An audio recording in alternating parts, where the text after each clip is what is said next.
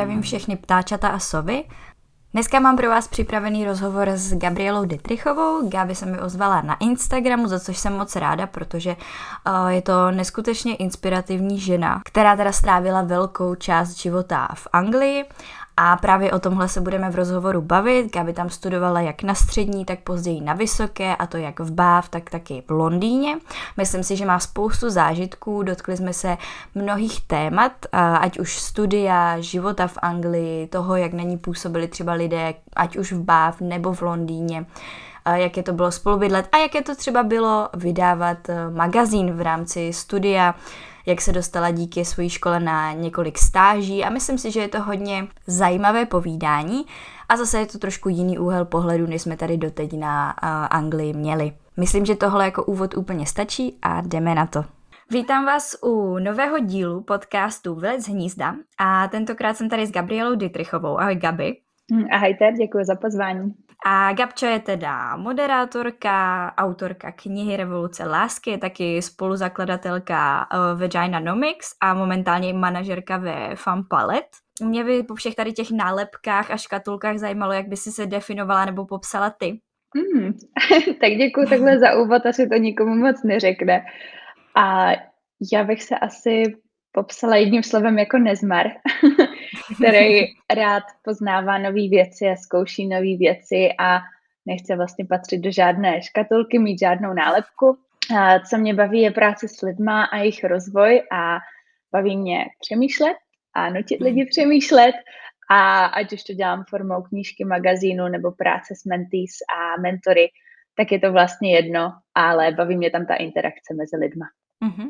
To je super, myslím si, že hlavně v dnešní době, když máme vlastně přístup ke Google a člověk si může všechno jakoby najít takhle, tak eh, strašně moc lidí má sklon k tomu teda přestávat trošku přemýšlet a používat ten selský rozum, takže si myslím, že je to super. Přesně tak, děkuji moc a já tomu taky hrozně věřím a myslím si, že to je ta jedna věc, co nás odlišuje od robotu a potřebujeme ji rozvíjet. Určitě. No a my se teda dneska budeme bavit o tvých eh, začátcích nebo potom vlastně i studiu ve Velké Británii, kde si stravila poměrně dlouhou dobu. No a budeme vlastně řešit, jak tě to formovalo i do budoucna, do tvojí momentální kariéry. Tak co byl ten prvotní impuls, který ti dal vlastně odvahu, protože ty si odcestovala už v 17, tak co tě tak jako popostrčilo se odstěhovat v takovém mladém věku do, do Velké Británie? A mým impulzem byla moje prateta, která mm. a vlastně vyučovala anglickou výslovnost na vysoké škole v Brně, odkud pocházím a ona se mě chopila, když jsem se potřebovala během léta doučit dva roky angličtiny, protože jsem měnila třídu a tam byla angličtina, já jsem byla němčinář, tak a mě to všechno naučila a mě mm. tehdy angličtina hrozně nadchla. Ona nějakou dobu žila v Británii, tak mi povídala o tom, jaký to tam bylo, byť to bylo v 60. letech, takže hodně něco jiného než dnes. A já jsem si to úplně zamilovala. Přišla jsem prostě domů za rodičema a řekla jsem, já chci žít v Británii. A moc jsem o tom nepřemýšlela v těch 16 a začala jsem hledat jako způsoby, jak se tam dostat. No a našla jsem a jednu vlastně společnost, co umožňuje pár studentům ze střední a východní Evropy dostat se do Británie na střední. Takže jsem zažádala, tehdy jsem tomu nepřikládala moc, moc váhy, protože vybírali, myslím, tři lidi z celé republiky, Aha. tak jsem si říkala, bez šancí prostě, ale tak vyčítá by se, kdybych to, kdybych to neskusila. No a pak přišlo vyjádření, nebo pak byla nějaká série pohovorů a tak, a přišlo vyjádření, že mi teda berou. A což nikdo vlastně nečekal a tak nějak jsme se k tomu museli mm-hmm. jako mhm. postavit. No a já jsem si teda vybrala školu a odjela jsem. Bylo to plánovaný na rok a s tím, že po tom roku na střední a v Jižní Anglii mě nabídli prodloužení na druhý rok, no a tudíž už jsem tam vesele odmaturovala a pak jsem eh, tak nějak už vlastně pracovala ten poslední rok i na tom, kam jít dál na výšku v té Británii a už to bylo všechno snazší, než se vracet do Česka, nebo snazší. No, prostě jsem chtěla ještě chvilku zůstat a naučit se nějaké další věci, takže už jsem tam zůstala, vlastně odmaturovala a dal jsem pokračovat na tu výšku tam a, a, a do Česka mi to zaválo až o sedm let později. No a nebála jsi se třeba, když si tam vyjížděla úplně ze startu, že nebudeš třeba zvládat tu angličtinu. Já teda vím, že jsi říkala, že tě ta prateta doučovala a všechno, ale přece jenom je to něco jiného, než potom vlastně ten reálný život, když už tam člověk je a žije. Tak jaké to bylo? no, absolutně na začátku jsem se vůbec nebála nebo aspoň si to nepamatuju. A, a byla jsem prostě úplně nadšená. Nic jiného nemělo prostor v mém těle, v mém životě, než prostě to nadšení. No a když mm. jsem tam potom přicestovala v těch 17 svým červeným, se svým červeným kufříčkem na nějaký tam nádraží prostě uprostřed ničeho a uprostřed britského venkova, kde nikdo nebyl, byla tma, byla noc, mm. měl tam být taxi, ten tam nebyl a já jsem vlastně vytočila nějakou tu infolinku na to taxi a vůbec jsem netušila, co ta paní mi říká na tom druhém konci. A to bylo poprvé takový uvědomění, že hele holka, vlastně ty asi budeš mít trošku problém s tím jazykem, byť jsem měla jako udělaný ty jazykové zkoušky, tak, eh, tak to bylo šílený. A prvních pár měsíců v té škole bylo hodně perných uh, ze stránky jako toho jazyku, naštěstí tam byli skvělí lidi. My jsme vlastně byli ty dvojročníky, asi 150 lidí celkem a měli jsme tam skupinku třeba 20 děcek a co byly jako rodilí Britové a tam nás bylo mm-hmm. tak pět tady těch cizinců, možná trochu víc. No a my jsme si z toho pak dělali srandu. Oni vždycky se na mě tak koukají a ty jenom kývaš a směješ se. Ty vůbec nevíš, o čem se bavíme, že? Já říkám, hm, přesně tak. Takže se tak jako snažili i mluvit pomalu. Já jsem samozřejmě večery trávila zjišťováním různých slovíček, zapisováním různých obratů, učením se spojování těch slov a vlastně to byla jako velká konfrontace, ale s tím jsem vůbec nepočítala, když jsem tam šla, takže jsem se nebála a spíš jsem byla až šoku po tom, co jsem se tam odstěhovala. Uh-huh. A neměla si třeba kvůli tomu problém trochu zapadnout? to je dobrá otázka. Já asi nerada zapadám, takže mě to vlastně nevadilo. A, ale já jsem se tam nikdy jako necítila jako cizinec, což zní divně, uh-huh. ale já jsem tam prostě dostala do té skupinky lidí a vlastně po pár měsících už nikdo neřešil, odkud jsem. Prostě jsme si hrozně sedli lidsky a to si myslím, že je strašně důležitý, že, že ten jazyk je jenom způsob, jak se dorozumět, ale vlastně o tom to není. A tudíž a mě v tom jako bylo hrozně dobře a našla jsem si tam vlastně a přítele docela rychle, který mě vlastně o víkendech bral k ním do rodiny a to ještě byli skoti, mm-hmm. takže to byla úplně jiná řeč zase, ale byli prostě hrozně srdeční, skvělí lidé a já jsem měla možnost potkat prostě různý a skupiny lidí v jedné teda sociální vrstvě a nějak jsem nikdy jakoby neměla ten pocit, že bych byla cizinec nebo tak, což je docela vzácný tam, protože pak, když jsem třeba mm-hmm. studovala v Bath, tak tam jsem to vnímala hodně jednoznačně, že jako já jsem ta holka z východní Evropy No a pak, když jsem zase žila v Londýně, tak tam zase byla náhoda narazit na rodilýho mluvčího, tam jsou jenom cizinci. Mm, to Takže takový jakoby mix, ale nikdy jsem tohle jakoby nevnímala jako slabinu, Spíš naopak jsem prostě byla ráda, protože a, a i zase ty děcka prostě často říkají, jako já to vůbec nechápu, jak ty dokážeš mluvit takhle, takhle skvěle v jiné řeči, jako to my vůbec nezvládáme a tak. Takže spíš naopak, oni to jako kvitovali, že, že umím něco malinko navíc a to bylo příjemný na ego. To je pravda, protože spousta těch Britů umí vlastně většinou jenom anglicky. Málo kdo se jako donutí naučit další jazyk, když to úplně nepotřebuje k tomu životu, když vlastně angličtina mm-hmm. docela vládne světu. Přesně. Takže fakt, že to asi ti lidi potom daleko víc ocení. Stejně tak jako Češi ocení, když někdo začne mluvit česky, že jo, u nás. Určitě, určitě, přesně tak. A já nevím, angličani se občas snaží o francouzštinu a vlastně ani to vůbec nezní francouzsky, takže, takže tak. Ale jsou si toho vědomí a právě o to víc jakoby a obdivují nebo podporují ty ostatní. Mm-hmm. No a teda po dokončení tady téhle školy, když jsi odmaturovala, což byla teda Seaford College, jestli nepletu, mm-hmm. tak uh, jsi šla na univerzitu do Bath. Tak proč jsi si vybrala zrovna Bath? Bylo to, protože jsi chtěla nějaké jako studijní městečko, které je menší, že se třeba ještě necítila na nějaký Londýn, nebo to bylo proto, že bylo lehké se tam dostat, nebo kvůli oboru? Asi nic z toho. Já to vlastně po, po střední šla do Londýna na rok a mm-hmm. začínala jsem jako operka, pak jsem pracovala v hospodě, pak v obchodě s oblečením.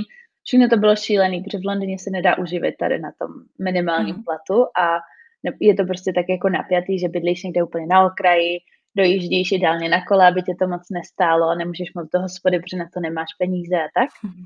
Takže jsem prostě opouštěla Londýn s tím, že tam nikdy nechci jít. No a do Bath jsem šla zase tak trochu jakoby náhodou, protože já jsem si vybrala, že budu na maturitu dělat a čtyři předměty, protože tam mhm. vlastně celý dva roky v Anglii děláš takzvaný A-levels, kde a si vybereš čtyři předměty a tomu se věnuješ. No a já jsem dělala matiku a ekonomiku, němčinu a mhm. anglickou literaturu a mm. myslela jsem si, že Němčina bude snažší, protože jsem německy jakoby trošku uměla, tak to vůbec, jako to byl nejhorší můj předmět. Špatná volba, jo. špatná volba, hodně špatná volba. Nejdřív jsem zkoušela francouzštinu, tak to vůbec, tak Němčina aspoň trochu, ale úplně mimo jsem byla, jakože jsem věděla, že těm slovíčkům rozumím česky, ale vůbec se neznám v angličtině, to byla nějaká B2 Němčina a jo, jo, jo. no good, takže a tak. No a když máš tady ty předměty, tak si vlastně logicky volíš něco, kde je budeš užívat ty předměty potom mm-hmm. na té vejšce. No a těch oborů s Němčinou není mnoho a já jsem taková i asi spíš organizační typ, takže jsem se dělala na nějaký typ management, business a tak. A vyplynula z toho uh, management s Němčinou, který není na mnoha školách a ty si vždycky volíš jakoby nějakou super školu a pak nějakou horší vejšku, jakoby tvůj, tvůj backup. No a Bath je vlastně jednou z nejlepších univerzit v Británii a tady na ten business, tak já jsem si to zkusila tam dát, že třeba to vyjde. No a pak jsem měla nějaký další backup. A ono to tam vyšlo a vlastně oba jsem hodně slyšela, předtím jsem tam i byla, tak jsem si říkala, tak hezký město, skvělá škola. Jo, je to tam krásné, no. Přesně. A na návštěvu na život moc ne. Mm-hmm. Aspoň mě to jako nesedlo, protože tam prostě jezdí jako turisti, turisti, turisti mm-hmm. a potom tam žijou lidi, co celý život pracovali v Londýně a vydělali velký peníze a tam jedou vlastně na důchod. Takže je to tam takový a moc poklidný na mě. takže tak.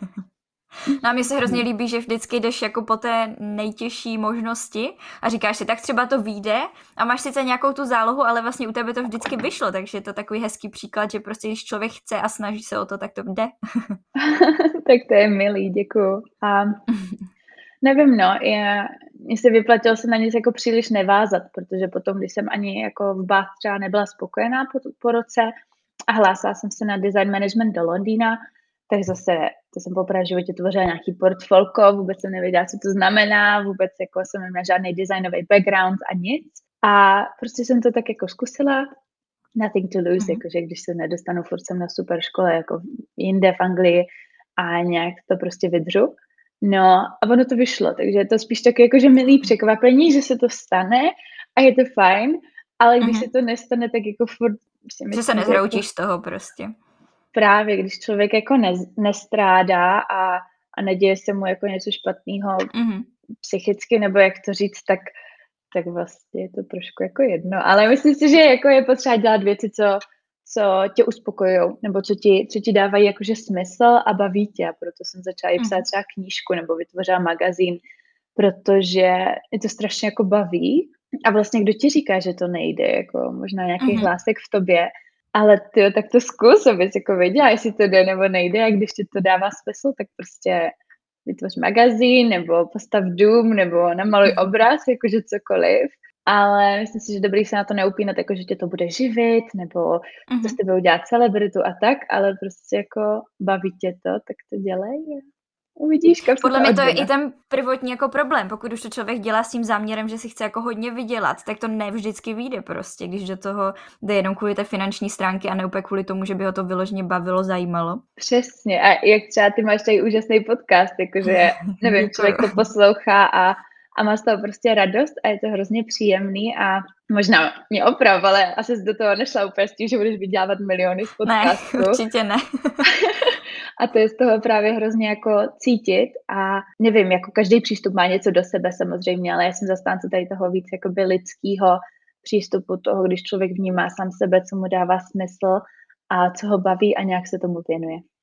Přesně tak. A ony ty finance potom přijdou, že jo, když se tomu věnuješ dobře. Přesně, přesně. To mi říká taky Kristýna z O kousek blíž, tak já úplně miluji její tvorbu, její práci mm-hmm. a, a právě jsem říká, jako, že já dělám, co mě baví, ale vůbec mě to není schopno uživit.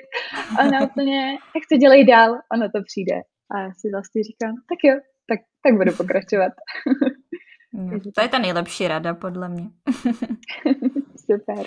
A když se vrátíme teda ještě k BAV, tak eh, jak jsi byla teda spokojená s tou univerzitou, když si říká, že takhle jako prestižní, tak dalo ti to hodně? No, no vzhledem k tomu, že jsem z ní po roce odešla, tak... A bylo to, to tou univerzitou dát. nebo tím městem? Asi jako prostě spíš tou školou.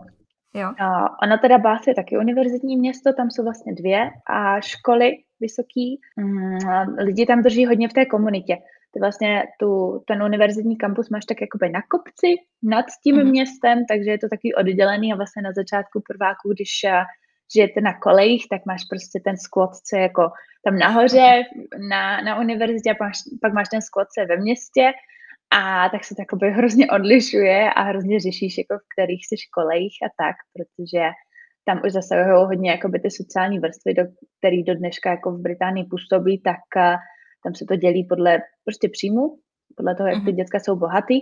A takže tím se to hodně rozčlenuje. No a já jsem jako z Bath neměla úplně dobrý dojem z té školy ve smyslu těch lidí, že jsem v začátku měla pocit, že tam prostě chodí ti, co se nedostali do Cambridge nebo na Oxford a hodně to z nich cítí, že jsou jako hodně takový sebevědomí a, a sebejistí. Ale to byly jenom ty Takže lidi, vlastně co já jsem potkala. Byla jako jejich backup.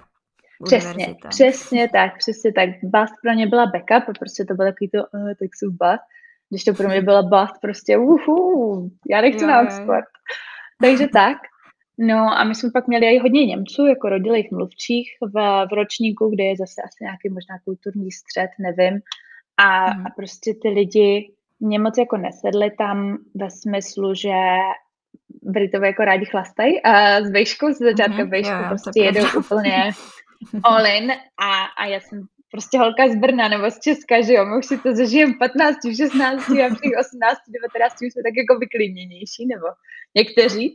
A mě už to úplně nebavilo se jako opět úplně do němoty a navíc jsem potřebovala jako rychle pracovat, abych se tam uživila, protože jsem od konce střední vlastně nechtěla od rodičů žádnou podporu a mhm. tudíž jsem jako balancovala čtyři dny v obchodě, čtyři dny na vejšce, někdy to úplně nevycházelo a, a prostě musela jsem se otáčet a nemohla jsem si jako úplně dovolit kocovinu v sobotu ráno, když jsem v 8 otvírala obchod. Takže mm. jsem si z toho jako nemohla tolik asi užít nebo vytěžit, jak bych chtěla, ale udělala jsem si výbornou kamarádku, která se se mnou táhne dodnes, takže k něčemu to bylo, ale tím, že bát hodně tlačí jako aj na to pracovat v korporátech a furt tam chodí nějaký firmy prostě z banek a investičních mm-hmm. společností a tak, co ti prostě říká, jak je jejich firma skvělá, jak se tam musíš přidat, tak mi to tehdy tak jako upozornilo, že já úplně asi nechci tady tou tradiční cestou jako šplhání kariérního žebříku v korporátu a mm. že jestli chci zkusit něco jiného, tak bych měla to změnit teďka, protože potom, jak budu mít tu školu, tak už neříkám, že to bude snažší se dát do korporátu, ale už si na to možná tak nějak jako navyknu, nebo za ty čtyři roky si řeknu, jo, tak asi to nebude tak špatný a půjdu do toho korporátu a jako bez pohodlním, když to mm. takhle jsem si řekla prostě, hele, přihlaš se tady na umělku, když to vyjde, tak běž na umělku a uvidíš, a když to nevíde, tak tady zůstaň, ale soustřeď se na to, že prostě nebudeš pracovat v korporátu, není to tvoje cesta. A to zase jako časem utvrdila, no. Takže Bath jakože město bylo, nebo je pořád nádherný, na dovolenou, na cokoliv bych tam jako jela hnedka. Na život to pro mě nebylo, ale myslím si, že to bylo hlavně kvůli té vysoké škole. Uh-huh. No a když jsi se teda po tom roce rozhodla, že je čas na změnu, že tam nechceš zůstat celou dobu, tak uh, jak to, že zrovna Londýn? Bylo to kvůli té škole konkrétní? Protože ty si vlastně s tím říkáš, že ten rok zpátky říkáš, tam bydlet už nechceš, že Londýn teda není pro tebe. Tak jak to, že najednou za rok zase byl? Přesně, přesně, byla to ta škola. A mm. já jsem chtěla prostě spojit nějaký umělecký směr s, s managementem, protože mm jsou prostě přehnaně organizační typ, mám určitě OCD a kde si co si, takže a obdivuji své přátelé za to, že to se mnou vydrží, protože umím být diktátor a taková bossy, takže to se jim omlouvám. No a tudíž jsem hledala ten kurz a v Londýně byl jediný, kde prostě nabízeli design management and cultures. Takže jsem si říkala prostě, hele, musíš dát Londýnu ještě jednu šanci, nejde to jinak. A, a zkusila jsem to a vyšlo to a prostě tady ta druhá a etapa v Londýně bylo úplně neuvěřitelný. Myslím si, že mě to jako hodně změnilo, hodně formovalo. Mm-hmm. Mm-hmm. A bylo to město a jedna, byly tak dvě odlišné města, takže a jako jsem za to hrozně ráda, no. Takže ti to změnilo ten pohled teda na Londýn a byla si už pak spokojená, když tam žila? Určitě odpustila jsem mu, ale myslím si, že je to hodně jako o penězích, no. A, a taky mm-hmm. o lidech, že vlastně ta škola eh, University of the Arts London mě umožnila jako vytvořit si neuvěřitelný konexe s biznesem, s různýma lidma a, a tak. A ještě na našem kurzu nás hrozně jakoby podporovali, že prostě my jsme ty první magazíny si vytvořili sami na mhm. škole a prototyp a potom nám to jako tiskaři vytiskli a už zase nás škola mohla propojit s dalšíma lidma, co tak odebírají, kupují a pomáhali nám s propagací a tak prostě úplně jiná komunita najednou. Ale mm. když tam člověk přijede, prostě nemá vzdělání, nemá, nemá to zázemí, nemá konexe a pracuje tam v té hospodě nebo kavárně nebo v obchodě s oblečením, tak jako si to ani nemůžeš užít, protože za A nevyděláváš mm. moc peněz a za B jsi obklopený lidma, co jsou v úplně stejné situaci a to je prostě blbý. Takže... Taky mi přijde, že to je docela začarovaný kruh, protože ty vlastně chodíš do té práce docela většinu času tvého života a pak máš méně jo. času na to, co bys opravdu chtěla dělat. Že jo? A je to těžší a těžší, pokud člověk nemá nějakou silnou vůli, tak uh, asi je docela těžké se z toho vymotat. Přesně. Jako, já nevím, jestli vůbec možný se z toho nějak vymotat, protože prostě buď tam přijedeš, snažíš se vydělat pár peněz, něco vyděláš a jdeš zpátky do, do země svého původu, anebo tam máš třeba nějakou rodinu nebo tak, takže i když tě povýší, tak vlastně ty peníze hnedka utratíš za to, že třeba mhm. chcete být v bytě, který není sdílený s dalšíma osmi lidma a tak, jakože jako jo, čím víc peněz máš, asi tím víc utrácíš, ale z začátku mi to přišly aspoň takové jakože dost základní věci, že prostě třeba tady to sdílení toho bydlení, jakože to mi přijde takový na krátkou dobu určitě, ale dlouhodobě si to neumím představit. Uh-huh. A, a nějací mi kamarádi to tak měli, ale fakt domů se chodili jenom vyspat. A potom v té druhé fázi, kdy jsem tam žila po druhé, tak jsem žila vlastně se svojí a business partnerkou a, a pořídili jsme si i psa a prostě měli jsme takový ten domov, kam mohli mhm. chodit ti přátelé na večeře a bylo to taky jako úplně jiný a, a vím, že by se to nestalo, kdybychom to sdělali s osmi dalšíma lidma, ale zase bychom platili půlku na nájmu, no, tak jsou to takové jakože choices, ale jak říkáš, jako, že ty lidi, co prostě mají ten, tu minimální mzdu, tak a, a si nemůžou jako nic moc dovolit a těžko, těžko se z toho vymaní, no. Protože je v Londýně konkurence. Jakože jo, jasně. prostě musíš být hrozně jako ambiciozní, musíš mít ty konexe, ty lidi, co tě tam seznámí a protlačí a, a musíš mít nějaký to vzdělání a ideálně zkušenosti. Musíš mít všechno, protože jinak je tam někdo, kdo to má a ten ti tu práci vezme, no. Jakože je to hrozně uh, kompetitivní prostředí, no. Mm-hmm. Tím ještě, že je tam vlastně strašně moc lidí ze zahraničí, takže vždycky se najde někdo, kdo třeba má podobný obor nebo podobný nápad. A... Přesně, přesně. A je to fakt jenom o tom, nebo nevím, ale měla jsem pocit, že to o tom, koho mhm. znáš a jak se prodáš. A mm. to zase bylo něco, co když jsem se vrátila do Česka, tak jsem viděla, že jako tady vůbec to nikdo nedělá a že prostě si všichni myslí, že jsi pak jako namyšlená a moc sebestředná a tak. A, a vlastně tady jiný úplně úhel pohledu třeba na pohovory, protože když teďka mhm. dělám s mentees jako v mentoringové platformě, kde pracuju, tak Oni často mají tady ten problém, jsou to hlavně jako ženy, co se prostě bojí jako říct si o povýšení nebo říct si o zvýšení platu nebo o jinou práci. A vlastně jako jediný, kdo jim brání, jsou oni sami. A když tomu člověku jako uh-huh. neřeknou, že jsou prostě dobrý, tak jak to má vědět, že jsou prostě dobrý, takže je tam hodně jako jiná mentalita. A, a třeba jsem ráda, že mě London jako naučil mít ostrý lokty a fakt se nebát, protože jako tak co, tak si tobě někdy někdo řekne, že jsi namyšlená, ale jako nikdy už tě třeba nepotká a zase na druhou stranu, když prostě někoho jakoby ohromíš tou svojí energií a, a tím, co třeba znáš, nebo prostě, nevím, nějak na něho jako zapůsobíš jinak na toho člověka, tak spíš tu práci dostaneš, protože v Londýně je vždycky někdo, kdo má víc zkušeností a víc schopností než ty, ale mm-hmm. ty máš prostě něco special, něco navíc, co zase oni nemají, no, tak, tak to musíš udat. To jsem no, se rozpovídala. To, co nemá na těch vědomostech, tak musí mít vlastně na té osobnosti prostě. Přesně. A zase se k tomu vracíme, že jako ta osobnost je to, co nás všechny odlišuje a prostě zkušenosti, vědomosti se můžeš eventuálně doučit pak. Mm-hmm. Některý zase, že jo, když prostě nemáš třeba tu vejšku, i když ani na to jsem moc v Londýně nepohlížela, ale prostě některé zkušenosti jsou fakt jako zásadní, aby se měla znalosti, ale pak je hodně věcí, co prostě si tak řekneš, že tak doučím se to za pochodu, nějak to vymyslíme a nemusíš se jako tvářit, že všechno zvládneš, prostě nebát se mhm. říct si o pomoc a říct, hele, s tímhle jsem se nikdy nesetkala, ale jako nebojím se toho, jenom budu potřebovat podporu. Většinou se vždycky někdo najde, kdo ti prostě pomůže a, a jít do toho, no, skočit asi rovnýma nohama a plavat. Mm-hmm.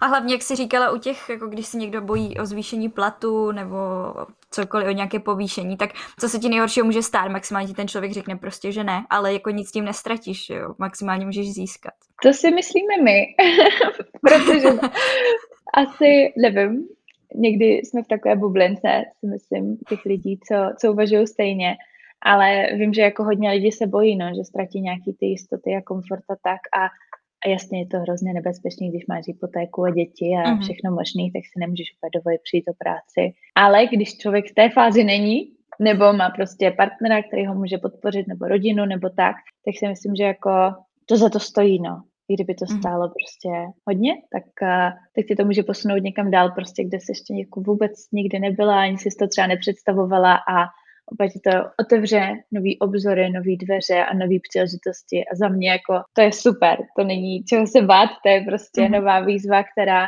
tě neustále posouvá dál a mě to dává hrozný smysl. No. No, přesně tak a tenhle podcast je vlastně o to vystupování z komfortní zóny. A myslím si, že když už člověk vystoupí tak daleko, že se jako dostane do té cizí země, pak tak tady tyhle ty věci ohledně práce už jsou vždycky jako, nechci říct menší, ale už si udělal ten jako největší krok toho přesunu, tak teď už musíš to přece zvládnout. Jo, jo, úplně naprosto souhlasím, že jako ten kulturní šok v té prvé řadě je prostě něco, na co se podle mě nikdy jako nedokážeš připravit. To je prostě taková pecka, že v porovnání s tím, přesně jak říkáš, už všechno ostatní je prostě menší.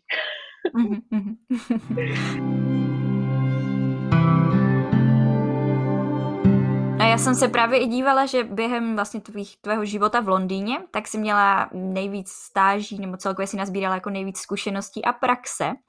Tak uh, myslíš si, že to že by to člověk zvládl, kdyby neměl za sebou zázemí té univerzity, protože si říká, že vám s tím hodně jako pomáhali a měli jste třeba i možnosti, tak když člověk takhle jde a zažádá třeba o nějakou stáž na vlastní pěs po vlastní ose, takže má větší šanci uspět, pokud má jakoby za sebou tu instituci, než když jde sám na sebe. No, já to neumím porovnat teda s tím, když je to bez té mhm. školy. Mm-hmm. Ale vím, že vlastně dvě stáže, to jsem měla jako v modě, tak mm-hmm. to bylo skrze školy, mhm. možným, mm-hmm ta jedna byla u Emilie Wickstead a během Fashion Weeku jsem jí vlastně tam pomáhala se vším možným. Všichni dělají všechno možný. No a to jsem vlastně našla skrze takový portál, co nám udělala škola, naše výška uh-huh. zrovna. Takže UAL má prostě tady a takový advertisement board, nebo jak to nazvat, a tam to můžeš najít. Takže jakoby máš lepší přístup k těm informacím, protože a ti designéři občas jako využívají spíš tohle, než nějaký obecný a jobboardy, protože se jim tam hlásí moc lidí, když to tohle jsou lidi přímo už s těma zkušenostmi, kteří ví, že už trochu tuší a na ten Fashion Week prostě hledáš lidi a je ti relativně jedno, co to je a, a hm, tyhle lidi jsou prostě eager pracovat zadarmo hodně. Mm-hmm. A, takže to určitě škola pomohla a to je jméno. No a potom vlastně druhá moje stáž byla teda v Paříži a to zase umožnila škola, že já jsem mohla jít na American College in Paris, něco takového, PCA, uh-huh, uh-huh. Paris College of Arts, myslím, no nevím. A, a vlastně ti nám zase zprostředkovali a stáže a třeba u Sophie Webster a shoe uh-huh. designer, takže tam jsem mohla být zase u ní během pařížského Fashion Weeku a to šlo taky jenom přes tu školu, že jsme si mohli zažádat.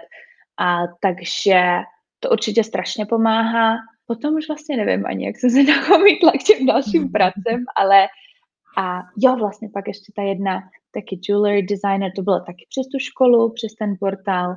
Tam byly fakt jako zajímavé nabídky práce, no, a, a trošičku líp placený, protože a nevím, ta škola to chápe a zná, jaká je ta situace, takže a, se snažila nám to aspoň takhle zprostředkovat, takže trošičku tu libru nebo dvě víc na hodinu tam bylo, což bylo skvělý.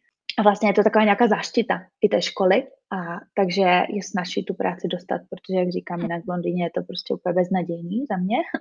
No a možná i tu poslední práci jsem teda získala skrz školu v tom startupu, ale to už je super jistá, protože tam jsem pak byla tak dlouho, že už jsem si to tak nějak jako osvojila. A, a tak no, takže je to fajn, zase těch přežitostí je tam šíleně moc, takže a když člověk jako má tu energii, má tu zápal. Nejhorší je ten první krok, si myslím. Já jsem prostě mm. jsem musela z retailu a gastronomii přesunout, nebo hospitality, přesunout prostě do té módy, protože jsem myslela, že budu dělat módu a chci dělat módu, takže jsem se tlačila za každou cenu do módy. A i díky těm stážím vlastně krátkým jsem zjistila, že vlastně móda vůbec není to, co já chci dělat. A, a bylo to skvělé tady na to. A, a to se bavíme o nás, prostě my jsme byli bývalá College of Printing, takže spíš jakoby um, ten knižní design, což není úplně jako mm. buzzword, a Central St. Martins, že jo, to jsou ty ty libůstky těch, těch módních jako blázinků, nebo jak to nazvat, to je špatný slovo, ale prostě těch, těch nadšenců. Nadšenců, jo. Přesně. A UAL stojí jakoby tady na tom Central St. Martins a kde je od nás je tam vlastně jedna úžasná designerka. Šátku? Andrea? No a, a tak prostě, takže eh, nám to dalo tu záštitu té UAL, kdy všichni jakoby vidí UAL a myslí si, že jsme všichni St. Martins prostě nadšenci do módy. Nejsme, ale pomůže, že máš UAL prostě na, na tom svém CVčku nebo na LinkedInu a oni vidí, že jsi prostě ze školy, která do toho designu eh, investuje hodně a, a že by to mělo být trošku větší zárukou nějaké tvé schopnosti, než když přijedeš prostě nevím, jak kdybych přijela jako holka z Brna a řekla teďka Sophie Webster, že jako s ní budu na Paris Fashion Week jí pomáhat, tak to asi úplně neklapne. takže tak, no, takže ta škola jako v tomhle směru byla asi zas, vlastně zásadní, což jsem si nikdy neuvědomila, no. Hmm. A tak asi hodně i pomůže, že když si to vyzkoušíš tady v rámci těch stáží, tak potom tak jako ty přesně zjistíš, co dělat už nechceš po té škole, že už si to jako tak osekáš a víc tě to formuje tím směrem, kterým by si reálně chtěla jít, takže to je fajn, že člověk to ještě zvládne během těch studií, nemusí měnit potom práce a řešit, že třeba asi to nesežene, když už není ten student a je to asi lehčí, no. Jako určitě za mě třeba český vysoké školy a anglický jako 101, mm-hmm. protože máš fakt jako hodně možností na ty stáže, které jsou právě klíčové v tomhle, aby zjistila, jestli vůbec je to ten obor, co chceš, jestli tě to baví, jestli v tom chceš mm-hmm. dál pokračovat. A vlastně i v Bath tam máš celý rok teda, což mě přijde trošku hodně, ale celý rok jakoby žiješ v německy mluvící zemi a pracuješ tam pro nějakou jakoby německou firmu, mm-hmm. nebo firmu v Německu. No a tím vlastně taky zjistíš vůbec, jestli tohle je ta ta firma nebo ten typ práce, co chceš dělat a dá ti to hodně a nemusíš to pak řešit už tolik po vejšce, kdy už prostě máš nějaký ty zkušenosti, už jsi něco osahal a už víš, kterým směrem jakoby směřovat a o to zase je to asi trošičku snazší u těch pohovorů, že si zatím fakt jako stojíš, že mm-hmm. prostě víš, co chceš a není to tápání, jakože no tak půjdu tady na pobočku jedné banky a když to nevíde tady v bance, tak budu, nevím, servírovat piva. Je to prostě taky jakože tohle je ta moje cesta a já za ní chci jít a dává mi to smysl a proto a proto a proto jsem dobrá, tak mě pojďte vzít. Oni ti mm. z 90% řeknou, ne, nechcem tě, protože jsi tady někdo lepší, ale, ale jednou to prostě přeskočí a, a, a vyjde to, no. Takže určitě jako mm. za mě stáže jsou skvělý, protože máš ten náhled do toho, co to je, to ti nikdo nepopíše slovy, to musíš zažít. To ne. A pak si řekneš sám, jestli jako v tomhle pokračovat nebo ne. A ušetříš se i to trápení, že jo, jak kdybych prostě se po, po škole začala hlásit s těm modním designérům, tak by to bylo úplně bez šancí. A, mm. a pak bych se tam dostala a za týden bych vystřízivila a řekla si, ups, teď jsem Tohle tady vypítvala spoustu času, no. Takže mm. si myslím, že je to win-win jako pro obě strany a efektivně to ty procesy potom toho pracovního a zapojení. Mm-hmm. A když to vlastně srovnáš i s těma českýma univerzitama, tak to částečně řeší ten problém, kdy já vím, že nemůžeš srovnávat, ale jakoby přijde mi, že v Česku je daleko menší možnost jít na nějakou stáž nebo praxi s, s tím studiem a ty školy tomu zase tolik nejdou jako vpřed, tak jak v třeba Británii nebo v jiných zahraničních státech, zahraničních státech, někde jinde v zahraničí. A přijde mi, že právě už můžeš nabídnout nějakou tu praxi, protože potom, když člověk vyjde z té české univerzity a nebyl úplně nějak proaktivní během toho studia, tak vlastně v tom životopisu nic moc nemá. Jo, jo, přesně. A jak řekla, no já úplně nemůžu posoudit situaci jako českých škol, ale mm, nevím, myslím si, že ten prostor jako na to člověk by měl, že nejseš na mhm. vejce prostě od rána do večera, jak my jsme někdy třeba jako bývali, ale a nejsou ty možnosti, no, že na to ani ty firmy možná nejsou jakoby nastavený, nenabízí tady tu příležitost té stáže, nemají na to, že ty lidi na ten support a kde si co si.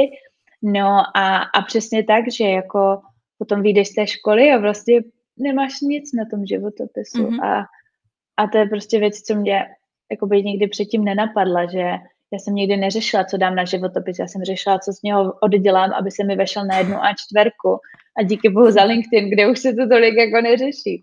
Ale vlastně tady to, že já jsem vždycky měla ty možnosti to s něčím balancovat, bylo super a že jo, a i v té Anglii můžeš, nemusíš. Já bych se neuživila, mm. kdybych něco s tím nebalancovala. A třeba i na té vejšce nás v tom podporovali, že jsme jako měli a vždycky půl dny udělaný a jeden den dokonce volný, abychom právě si někde tu práci našli, ten part-time. Mm-hmm. A může to být v kavárně a může to být prostě v nějakém startupu a může to být v korporátu, cokoliv.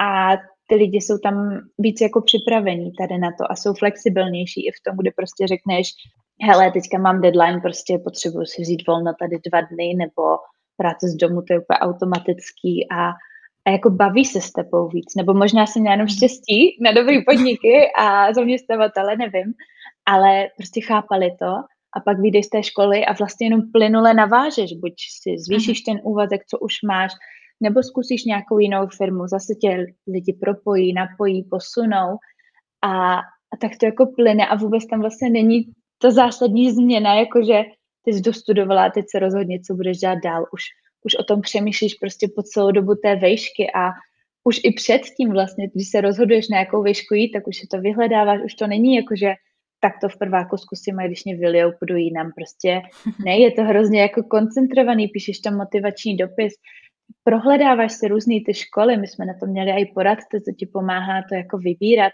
a fakt jako pomáhá s tou, s tou application a vlastně to, to vybrání té vysoké školy už je jako velikánský krok, který nemáš jako na zkoušku, máš to prostě jako závazek, jo, když to nevíde, můžeš to mhm. změnit, ale není to, že jako vystuduješ ekonomku a máš to tu studenta a pak uvidíš až co dál, jakože je tohle hodně jiný a teďka, jak jsem v Česku a vlastně ta moje věková skupina dostudovaly ty vejšky relativně nedávno a teď se rozhodují, co dál, tak pro mě je to taková jakoby konfrontace s tím, že fakt jako tady není ta podpora toho o tom přemýšlet dřív a rozhodovat se a zkoušet a, a je to hrozná škoda.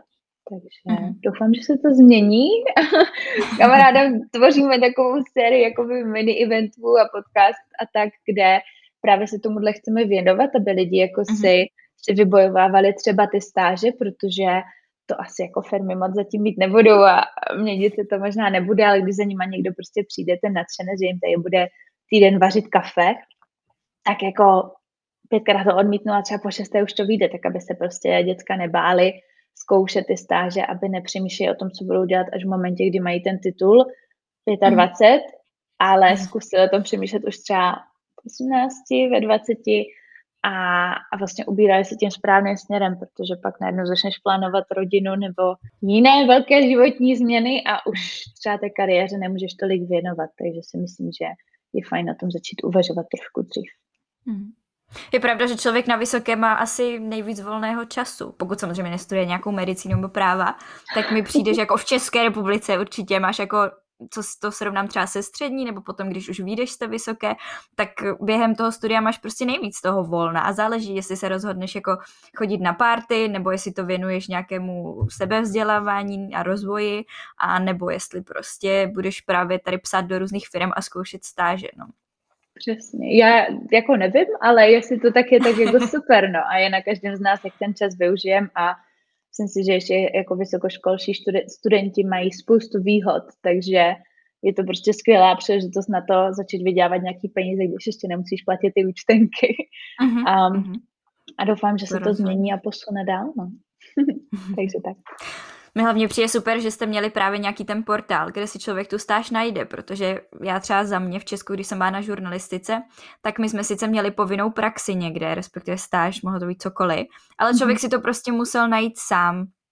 A hmm. jak, tak, jak říkáš, ty firmy to úplně nenabízí. Já jsem teda měla docela štěstí, ale myslím si, že je to docela těžké, když na to máš i ten omezený čas v rámci toho studia a teď jako semestr a ty třeba v létě někdo se pracuje jinde a potřebuješ to splnit, takže tohle je trošku nedomyšlené mi přijde a když už něco nabízí hmm. škole, že by ti s tím pomohli, tak je hrozně těžké se jako proklikat na, tě, na těch jejich stránkách a třeba ty stáže vůbec jako najít. Mi přijde, že by to chtělo jako nějakou jednotnou platformu, kde fakt budou různé inzeráty a ne jako hledat na každé katedře a proklikat třeba, nevím, deset políček, než se vůbec dostaneš k tomu, aby si jako našla nějakou nabídku. Tak. tak to je hrozná škoda teda, že, že to takhle vlastně svým způsobem i komplikují. A mm-hmm. někdy říkám, no doufám, že se to změní, Třeba že se to, to posune. Jo, jo. Protože vlastně tam ten portál UAL se pak otočil i tak, že vlastně ti zaměstnavatelé si to vybírali jako primární zdroj inzerování. Mm. a té práce, protože vidějí, že je to přesně ta cílovka, co potřebují, že ty děcka mají čas, mají chuť a mají nějaké znalosti a tudíž často postovali jako ty, ty a nabídky práce jenom tam. A já hmm. vlastně lidi ze svého okolí vím, že jsou zaměstnaní hlavně skrze tady ten, ten job board a, a je to super a prostě všude se to inzeruje, propaguje a je to výborně zpracovaný. Ono, zase asi když studuješ na škole, kde jako a dělají design, tak nemůžeš mít nekvalitní portál, ale je to prostě hrozně jednoduchý k užívání a jo, jako všem nám to hodně pomohlo. No tak doufám, doufám, že se něco takového dostane i do Česka, protože by to fakt mohlo za mě jako měnit životy spousty lidí. Mm. No a ty si teda během studií v Londýně taky spolu založila vlastně feministickou platformu se stejnojmeným časopisem, jak jsem říkala, Vagina Nomics. Tak eh, jak tenhle nápad vznikl? Bylo to v rámci nějakého školního projektu nebo jste nad tím přemýšleli nějak jasně s, s tou spoluzakladatelkou? Si říká, že byla i spolubydlící? Ano, ano. Jak to vzniklo? No vzniklo to tak, že jsme úplně propadli magazínům, že tam prostě od prvního dne řešíš publikace, knížky, časopisy, všechno. Já jsem chtěla taky studovat žurnalistiku před mnoha a mnoha lety, když jsem se odstěhovala. A, a to samozřejmě nevyšlo, ale k psaní jsem měla blízko a založila jsem vlastně i svůj blog, kde celou dobu se snažím více nebo méně psát, aby vlastně nevím, lidi mohli číst ty moje příběhy a taky jsem si tím právě trénovala angličtinu, protože je to anglicky a tak. No, a takže mě psaní jako hrozně baví, bavilo, baví. Mm-hmm a um, dávalo mi to takhle smysl. No a zase ta a moje spoluzakladatelka, partnerka, spolubydlící, všechno tohle, tak um, ona miluje grafický design a zpracování a přišla s tím, že prostě když máme teďka přístup ke všem tady těm tiskárnám a profesionálům a tak, že bychom mohli udělat magazín ještě na škole, kde nás to bude stát výrazně méně. No a já jsem se proto jako nadchla, že jasně, pojďme vytvořit magazín. A, a teďka teda otázka na co. A ona už se od, od začátku vlastně hodně věnovala a feminismu. Říkám mm. špatně ona, protože je non-binární, jsou to oni, což bude asi uh, popa nebo halo tady uh, na tom podcastu, ale takže Cecilie se věnovali uh, grafickému designu a tomu zpracování a hlavně feminismu a teda genderu. No, mm. A přišli jsme prostě do styku tady s tím názvem Vaginanomics, a kdy to mělo být slovo nějakého roku, že to prostě bude všude a, a bude se to všechno točit kolem jako ženského přirození a tak. Mm-hmm. To se nakonec nestalo, nicméně toto slovo už s náma zůstalo a, a tak nějak jsme začali zhromažďovat jako různý materiály tady tím směrem. Původně to byl jenom takový zín, co právě Cecilia dělala na, na jeden z našich školních projektů, taková mm-hmm. brožura nebo leporelo. No a na, nabalilo se na to docela hodně lidí, ve výsledku asi 30 různých takových kreativních a umělců typu ilustrátoři, malíři a mm, všechno možný animátoři a tak dál. No a každý vlastně přispěl nějakým tím příběhem a do tady té a, skupiny. No mm-hmm. a my jsme to potom nějak začali revidovat a zpracovali. Já jsem procházela právě ty texty a Čečí zpracovávala tu vizuální stránku a vytvořili jsme z toho vlastně tady ten magazín, který a jsme si pak nechali natisknout a byl to pro Cecílii i závěrečný projekt univerzitní.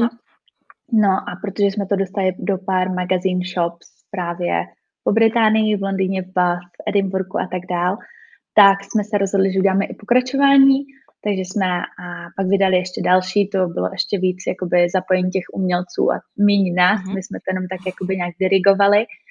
A, a tak, no, takže jsme si splnili sen, že vydáme magazín, zvolili jsme téma, kterým se vlastně ještě žádný magazín nezvěnoval, protože to bylo dost těžký najít, a mhm. takže jsme si našli tady ten, ten svůj níž a, a věnovali jsme se jemu.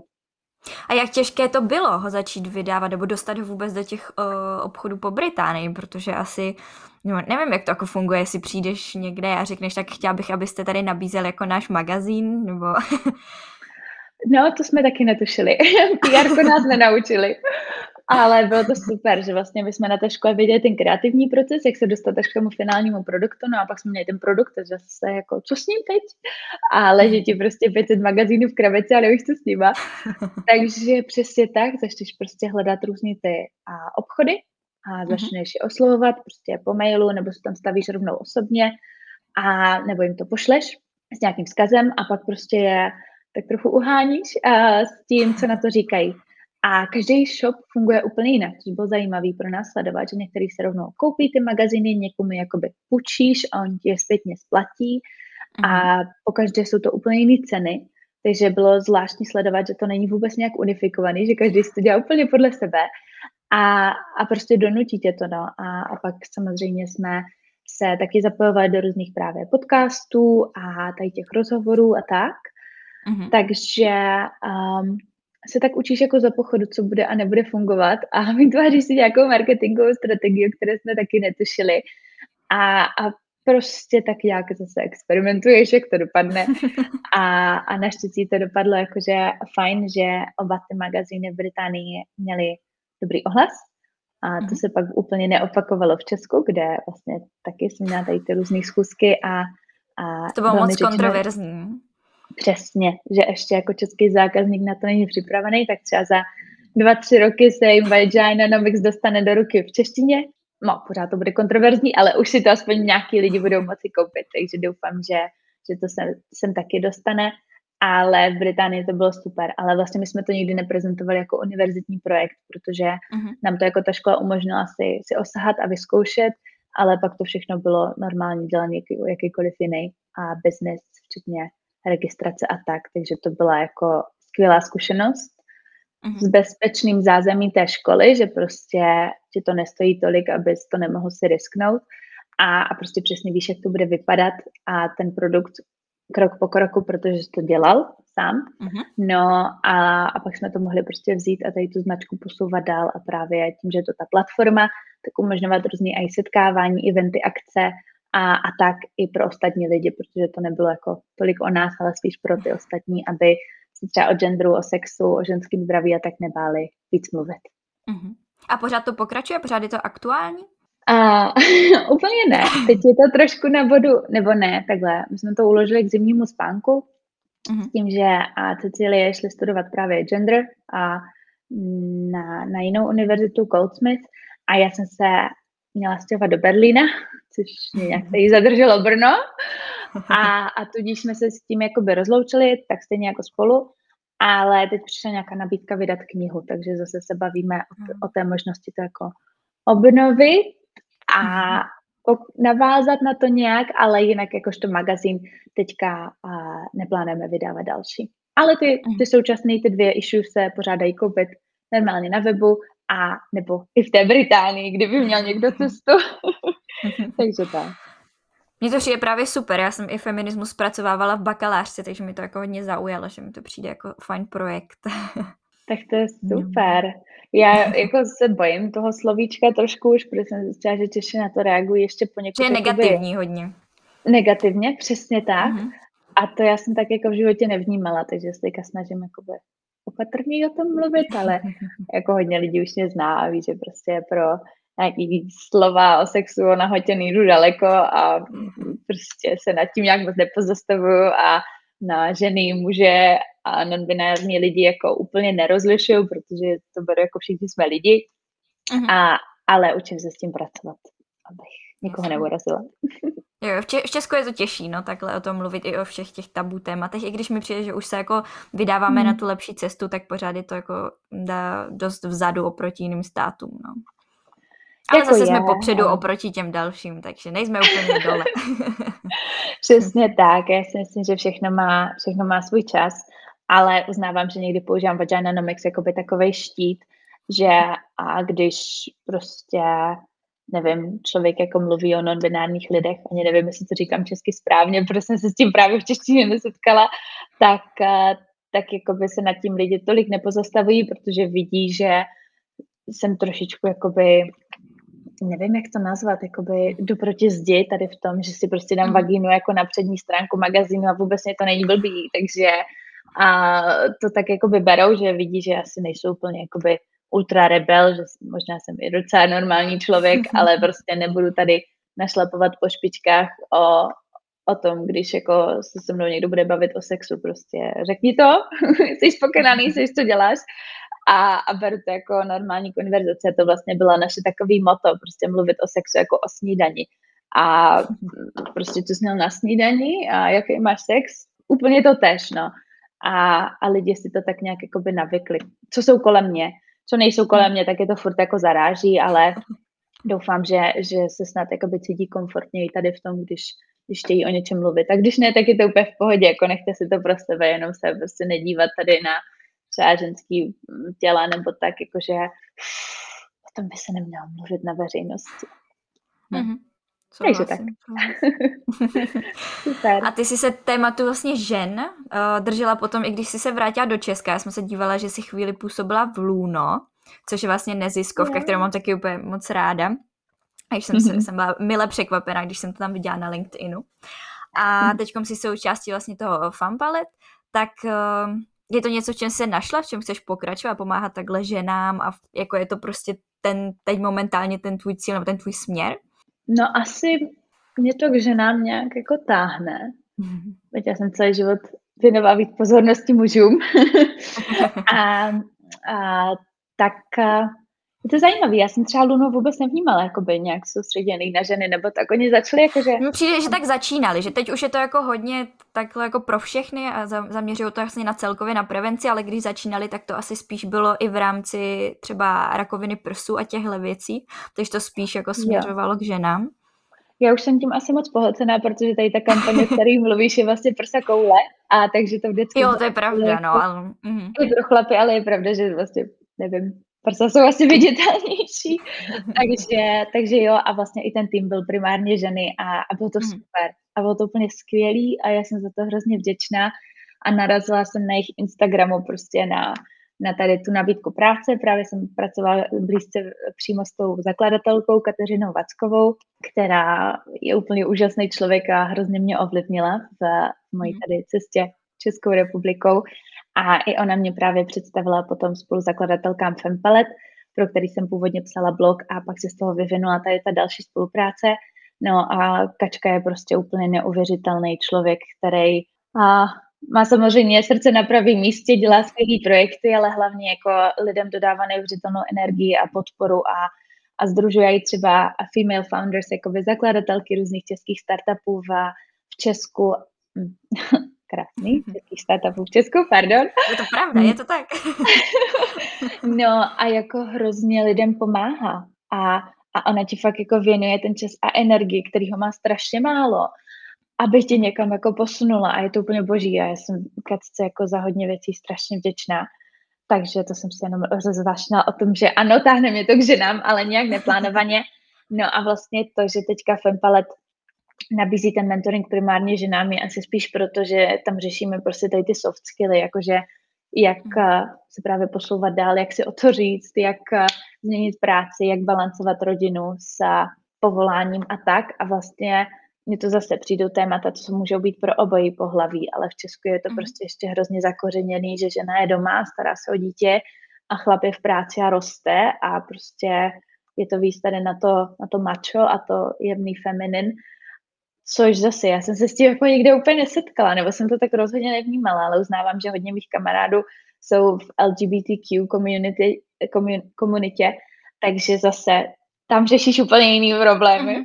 A, a tady je prostě to tradičně rozdělené na ženy a muže jako ještě hodně silný. A proto je vlastně velká část těch lidí, co se hlásí do Fempalet ženy, ale mhm. nabízí to zase programy i pro muže a kteří by se chtěli zapojit. No, jenom si myslím, že možná je to ještě nějaká barikáda v té hlavě, že jako si třeba můžu tolik neřeknu o pomoc, nevím. A teďka vlastně, že jo, knížka Revoluce lásky taky jsou v tom kytičky, když to dám někomu přečíst, tak úplně, jo, to je hezká knížka pro holky. A já úplně si říkám, wow, já jsem to vůbec netvořila s tím, že to bude pro ženy. Prostě láska se týká každého, jsou to většinou mm-hmm. jako dva a můžou mít jakýkoliv pohlaví nebo orientaci. A, a vlastně zase mi jako lidi v Česku řekli, jo, to je pro baby. Takže já to tak nějak jako neplánuju, ale evidentně se jako k těm ženám tak nějak přibližuju. Ale myslím si, mm-hmm. že mhm. to je jako, jako nádherný, ale určitě ne cílený. Jo, jo, jo. A tak já si myslím, že to je i tou mentalitou tady v Česku, že spoustu jako mužů má docela problém nějak mluvit o lásce, nebo že, že je to spíš jako bráno jako holčičí věc, než úplně jako mužská, mužské téma. Takže hmm. možná to bude hmm. i tím. Určitě, no. Jenom kývu a, a jsou hrozně ráda, že jsou obklopená jako hodně citlivými lidmi, i muži, a, hmm. a že se s nimi o tom jako dokážu bavit, protože a teďka zase generace moje se hodně bere, hodně uh, mm-hmm. nějak potvrzují tu svoji lásku tady těmi oficiálními procesy. No a tudíž uh, mě to tady k těm tématům často přivádí a hrozně to baví jakoby ty lidi takhle konfrontovat s těma otázkami jako uh, proč se berete a co vás to vedlo a co to pro vás vlastně znamená a jak byste jako popsali svůj vztah a tak.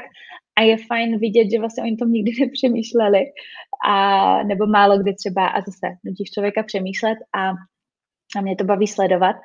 A jak říkáš, no asi holky o tom možná mluví víc, ale já zase, co mám chlapy kolem sebe, tak já se s nimi jako často bavím v mojich vztazích, takže něco zase jako nepřijde, no, ale asi, asi to tak je. Máš dobrou bublinu. Dík. No, tak doufám, že zase se to rozšíří, jak s těma stážema na vejškách, prostě, že se to mm-hmm. dostane víc do povědomí a normalizuje se to, jestli je to slovo. Tak mm-hmm.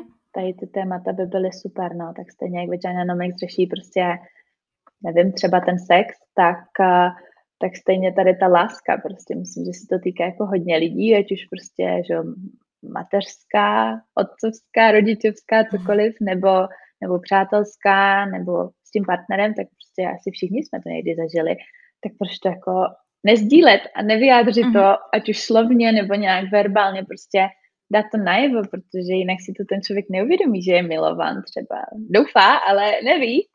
Takže jo, jo. si jako nebát to prostě ukázat, no.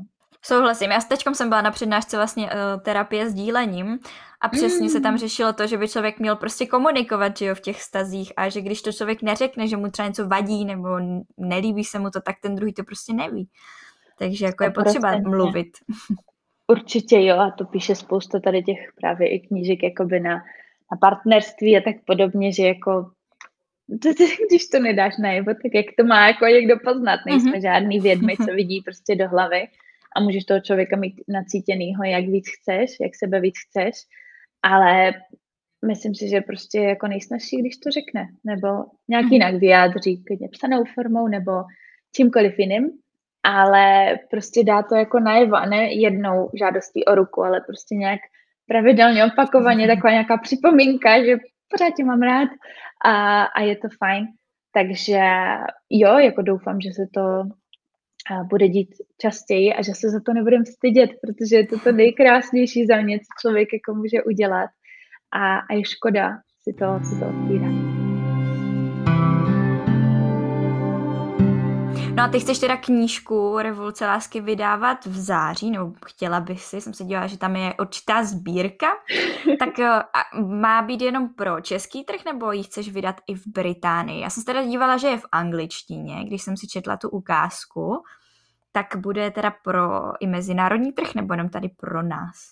Bude hlavně pro mezinárodní trh, čím se uh-huh. omlouvám, ale tím, že právě tahle verze je anglicky, tak uh-huh. ji chci vypustit do světa prostě v anglické verzi. No a samozřejmě bude dostupná i v Česku, jenom když jsem si dělala průzkum trhu, tak hodně lidí se bojí vlastně s ní interagovat, protože ona je z půlky beletrie a z půlky interaktivní a takový, nechci říkat deník, prostě interaktivní listy. No a to si člověk může vyplňovat, ale jsou to zase takové jakoby otázky trošku na tělo, ve smyslu, že člověk musí přemýšlet a nějak ideálně si zaznačí tu odpověď a, a jsou v angličtině. A mně nedošlo, že vlastně tím, že já třeba někdy můžu přemýšlet v angličtině, takže někdo, kdo nežil v Anglii nebo nemluví prostě anglicky denně, tak v tom jazyku nepřemýšlí a přemýšlí normálně česky. Takže je tam ten clash. No a proto teďka v září vychází ta anglická verze, která bude dostupná celosvětově. No a příští rok bych chtěla vydat českou, která právě bude Aha. primárně tady po Česku. Super, tak budu držet palce, ať to vyjde. Mně se to teda moc líbilo a po tom celém rozhovoru mi přijde, že to si fakt ty, že jako přesně ty interaktivní listy nutí toho člověka jako se zamyslet, přemýšlet a jako jsou tam otázky, na kterými se člověk třeba normálně nepozastaví takhle během dne, takže mi to přijde hrozně, hrozně fajn. Super, moc krát děkuju. A jsem zvědavá, co na to budeš říkat, až si budeš držet, jestli ti to potvrdí tady to očekávání, anebo úplně vyvrátí. Ale doufám, že to, že to tak nějak vystihuje, no. A, a jako mě, ale zase spíš ten, ten přístup nutit lidi myslet. Já jim nedám pokoj.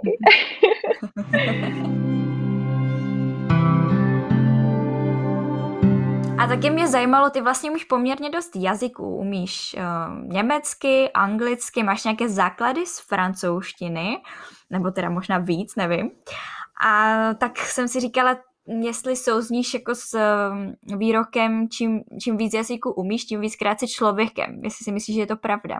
A já bohužel jsem hodně spohodlnila a držím se vždycky angličtiny, tím jak každý vlastně už anglicky mluví, tak se mi stal ten stejný problém, že prostě mě už to nenutí se učit ty další řeči, takže byť jsem jako v Němčině studovala, tak, tak Němci se mnou automaticky připínají do angličtiny, jako tím se vůbec nesnaží. No a francouzština je hodně na základech, protože já jsem se fakt jako nebyla v Paříži schopná domluvit anglicky, takže to mě zasnutilo jako uh-huh. uh, si to nějak trošičku osvojit, ale myslím si, že hodně jako primitivní. Ale tak, takže francouzštinu vůbec nejsem schopna soudit. Co se týče té Němčiny, tak uh, já si myslím, že ti to umožní jako lepší náhled do té kultury. Mhm. člověk je víc sám sebou, nebo já to vnímám i na sebe, že se chovám jinak a mluvím jinak v angličtině, nebo píšu a jinak v češtině. Takže to změní trošku ten mindset, asi, nevím, nejsem psycholog. Jo, souhlasím, já to mám taky takhle se španělštinou, jsem trošku jako jiný člověk. Mhm. to je prostě fascinující, takže věřím tomu, že ta řeč je jako užitečná na to poznat lépe tu kulturu. A, mm. Ale myslím si, že jsi skvělým člověkem, ať už mluvíš jednou řečí, i klidně špatně, nebo deseti řečma. Takže uh, úplně bych to jako uh, nepřeceňovala tady ten výrok. A nechybí ti někdy život v Londýně, když jsi teď už v Česku, nebo ti to naopak vynahrazuje to, že vlastně Fempalet je docela mezinárodní, tím, že tam je to jak pro Česko, tak vlastně pro ten celosvětový trh, ty mentoringy, tak třeba jestli ti to stačí, nebo jestli ti to aspoň nějak jako nahrazuje ten život v zahraničí. No já jsem za to hrozně vděčná. Já jsem právě hledala ten kontakt s tou angličtinou, proto vůbec mm. jsem začala pro ně psát ten blog a teď s nima spolupracuju a na téměř full time. A je to jako skvělý, protože to kombinuje právě ten jazyk, celá mm. ten palet funguje v angličtině, ať už komunikace s těmi klienty nebo v rámci našeho týmu mezinárodního. No a ještě se bavím s lidmi, kteří chtějí na sebe pracovat a někam se posouvat. Takže já jsem úplně v sedmém nebi, za mě je to fantastický a můžu si vzít svůj laptop a odletět si prostě příští měsíc doufám do Lisabonu prostě a sedět tam a sledovat ty různé lidi, protože to už mě chybí a pracovat si. Takže tohle je fantastický a Londýn mě nechybí, řeknu. Občas si na něho vzpomenu a, a, a jako je to krásný a vlastně to byla úžasná etapa a myslím si, že v nejlepším se má přestat. Já jsem přestala až chvilinku po tom nejlepším mm-hmm. a tím, že jsme tam měli takovou naši malou jakoby rodinu a ta rodina ukončila svoje fungování, tak uh, si myslím, že tím jsem jakoby ten Londýn hezky uzavřela a teď, jestli se tam někdy podívám, tak to bude vyloženě na víkend uh, nebo na nějakou krátkou dovču jako s někým, a, ale kapitola Londýn už je uzavřena. Takže v blízké budoucnosti nemáš úplně nějaké tendence se přesouvat jinam, než jakoby z Česka pryč? To já mám často nebo, ne, nebo nevíš, nebo jsi spontánní, jo? já mám neustále tendenci se někam přesouvat. Už tady za rok v Brně jsem se stěhovala třikrát, takže a je to takový jako a, téma, co se se mnou táhne, kam zase půjdeš příště. No, ale tím, že jsem teďka ve vztahu, tak ty rozhodnutí člověk už nedělá jenom za sebe, ale ve dvou, což je dobrá zkušenost. No a tak se to jako mele, že, že jako jo, někam bych se stěhovala, nabídce byly nějaké skandinávské země, ale tím, že pro mě třeba teďka je důležitý jakože vztah s mojí rodinou, která mhm. krásně roste, tak uh, chci jim být na dosah, protože přeci jenom být Londýn není daleko, tak to není takový, že si vzpomeneš odpoledne, jo, tak já se stavím na kafe a potkáte se, takže mm-hmm. si mhm. teď užívám toho, že můžu být blíž tady těm uh, novým uh, členů naší, naší rodinky a, a být tam s nima. Takže si myslím, že nějakou dobu teďka budu v Česku, byť asi ne v Brně. Takže tak. tak super. Já bych tě jako nerada nějak uh, utla, ale už mluvíme přes hodinu, tak uh, bych se ještě chtěla zeptat, uh, jestli máš třeba po, pro posluchače nějakou radu, něco, co ti třeba pomohlo tobě na té cestě vlastně během studia nebo během kariéry, něco, co, co tě motivuje, nebo prostě cokoliv, co tě tak napadne a myslíš si, že by to třeba lidem mohlo nějak pomoct na té jejich vlastní cestě. Já bych je určitě podpořila v tom pracovat se svým strachem, mm-hmm. protože si myslím, že se bojíme asi úplně všichni, ale vždycky si tak nějak říct nebo sepsat, co je to nejlepší a co je to nejhorší, co se může stát a mít nějakou záchranou síť, třeba pár lidí, co tě, co tě podpoří, co ti pomůžou a tady v té chvíli, no a, a zkusit se do toho jako pustit, protože si myslím, že je jako škoda jenom o něčem přemýšlet a nikdy to neskusit a třeba i závidět těm ostatním, že to, že to udělali. Takže fakt se, se na to připravit, zvážit si pro a proti, ujistit si, že máš kolem sebe někoho, kdo tě když tak vytáhne z toho blata a, a pak, pak vykročit, protože to stojí za to. Super, moc děkuji. Jsou krásné slova takhle nakonec. A já teda ještě, než to úplně ukončíme, bych, si, bych ti chtěla dát prostor, a, abys třeba mohla lidem říct, kde tě můžou jako najít, nebo případně podpořit knížku, nebo tě vyhledat v rámci mentoringu a tak podobně. Tak, tak moc krát děkuji tady za tu příležitost, za ten prostor. A nejsnažší, jak je mě najít, je pod takovým aliasem Gabriel Editt, kde vlastně na sociálních sítích a i můj blog je gabrielde.com. No a potom asi na LinkedInu, který ty jsi už dobře, dobře proskoumala, tam jsem normálně pod svým jménem a Gabriela Dietrichová, takže budu moc ráda takhle za spojení. No a podpořit ještě knížku je možné do, do snad až toho září, kdy ji konečně vydám. A to je taky odkaz na sbírku na mém blogu normálně a pod kolonkou knížka, ať už česky nebo anglicky, ten blog je dvojjazyčný, takže budu moc ráda a za jakoukoliv podporu klidně a sdílení cokoliv a i za nějakou zpětnou vazbu. Hrozně ráda poznávám nový lidi a s nimi se takhle bavím báječně jak s tebou tady, takže budu moc ráda za nějaký nový spojení. Takže děkuji moc. Super, já dám určitě všechny odkazy dolů do popisku, aby to mohli posluchači lehčeji najít. A moje poslední otázka je teda ta, kterou dávám úplně všem a zajímá mě, jestli si ranní ptáče anebo noční sova. Ranní ptáče. v kolik tak stáváš? Co znamená ranní ptáče u tebe?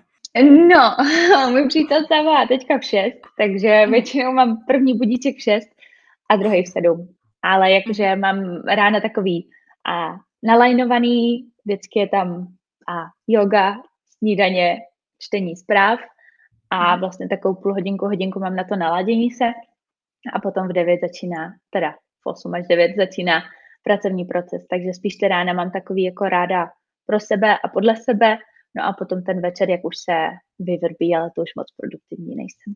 Užila jsem si to na vejště a myslím, že stačilo. jo. Mám to stejně, já taky tak už po páté, šesté jako moc nefunguju. Takže Přesně. to ráno je lepší.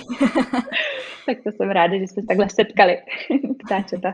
tak jo, no, tak to už bude úplně všechno. Já teda moc děkuji, že jsme mohli nahrát tenhle rozhovor, bylo to strašně fajn, doufám, že se bude líbit i posluchačům. Jsem ráda, že jsi mě kontaktovala, že jsem se objevila někoho nového a budu teda držet palce s knížkou a se vším, co teď momentálně probíhá a ať, ať ti to jde pořád ve fanpalet a, a tak a potkáváš nové super lidi. Strašně moc děkuji tady, mám hroznou radost, že jsme se takhle mohli spojit a děkuji za to, co děláš, protože a myslím si, že skrze podcasty přinášíš velice důležitý, zajímavý a inspirativní příběhy, těch není nikdy dost, takže taky ti moc fandím, držím pěsti a obrovský díky tobě a i posluchačům. Děkuji. Tak, došli jsme až na konec této epizody a já jsem moc ráda, že jste opět doposlouchali až sem, že vás podcast bavil a celý rozhovor s Gabi vás bavil.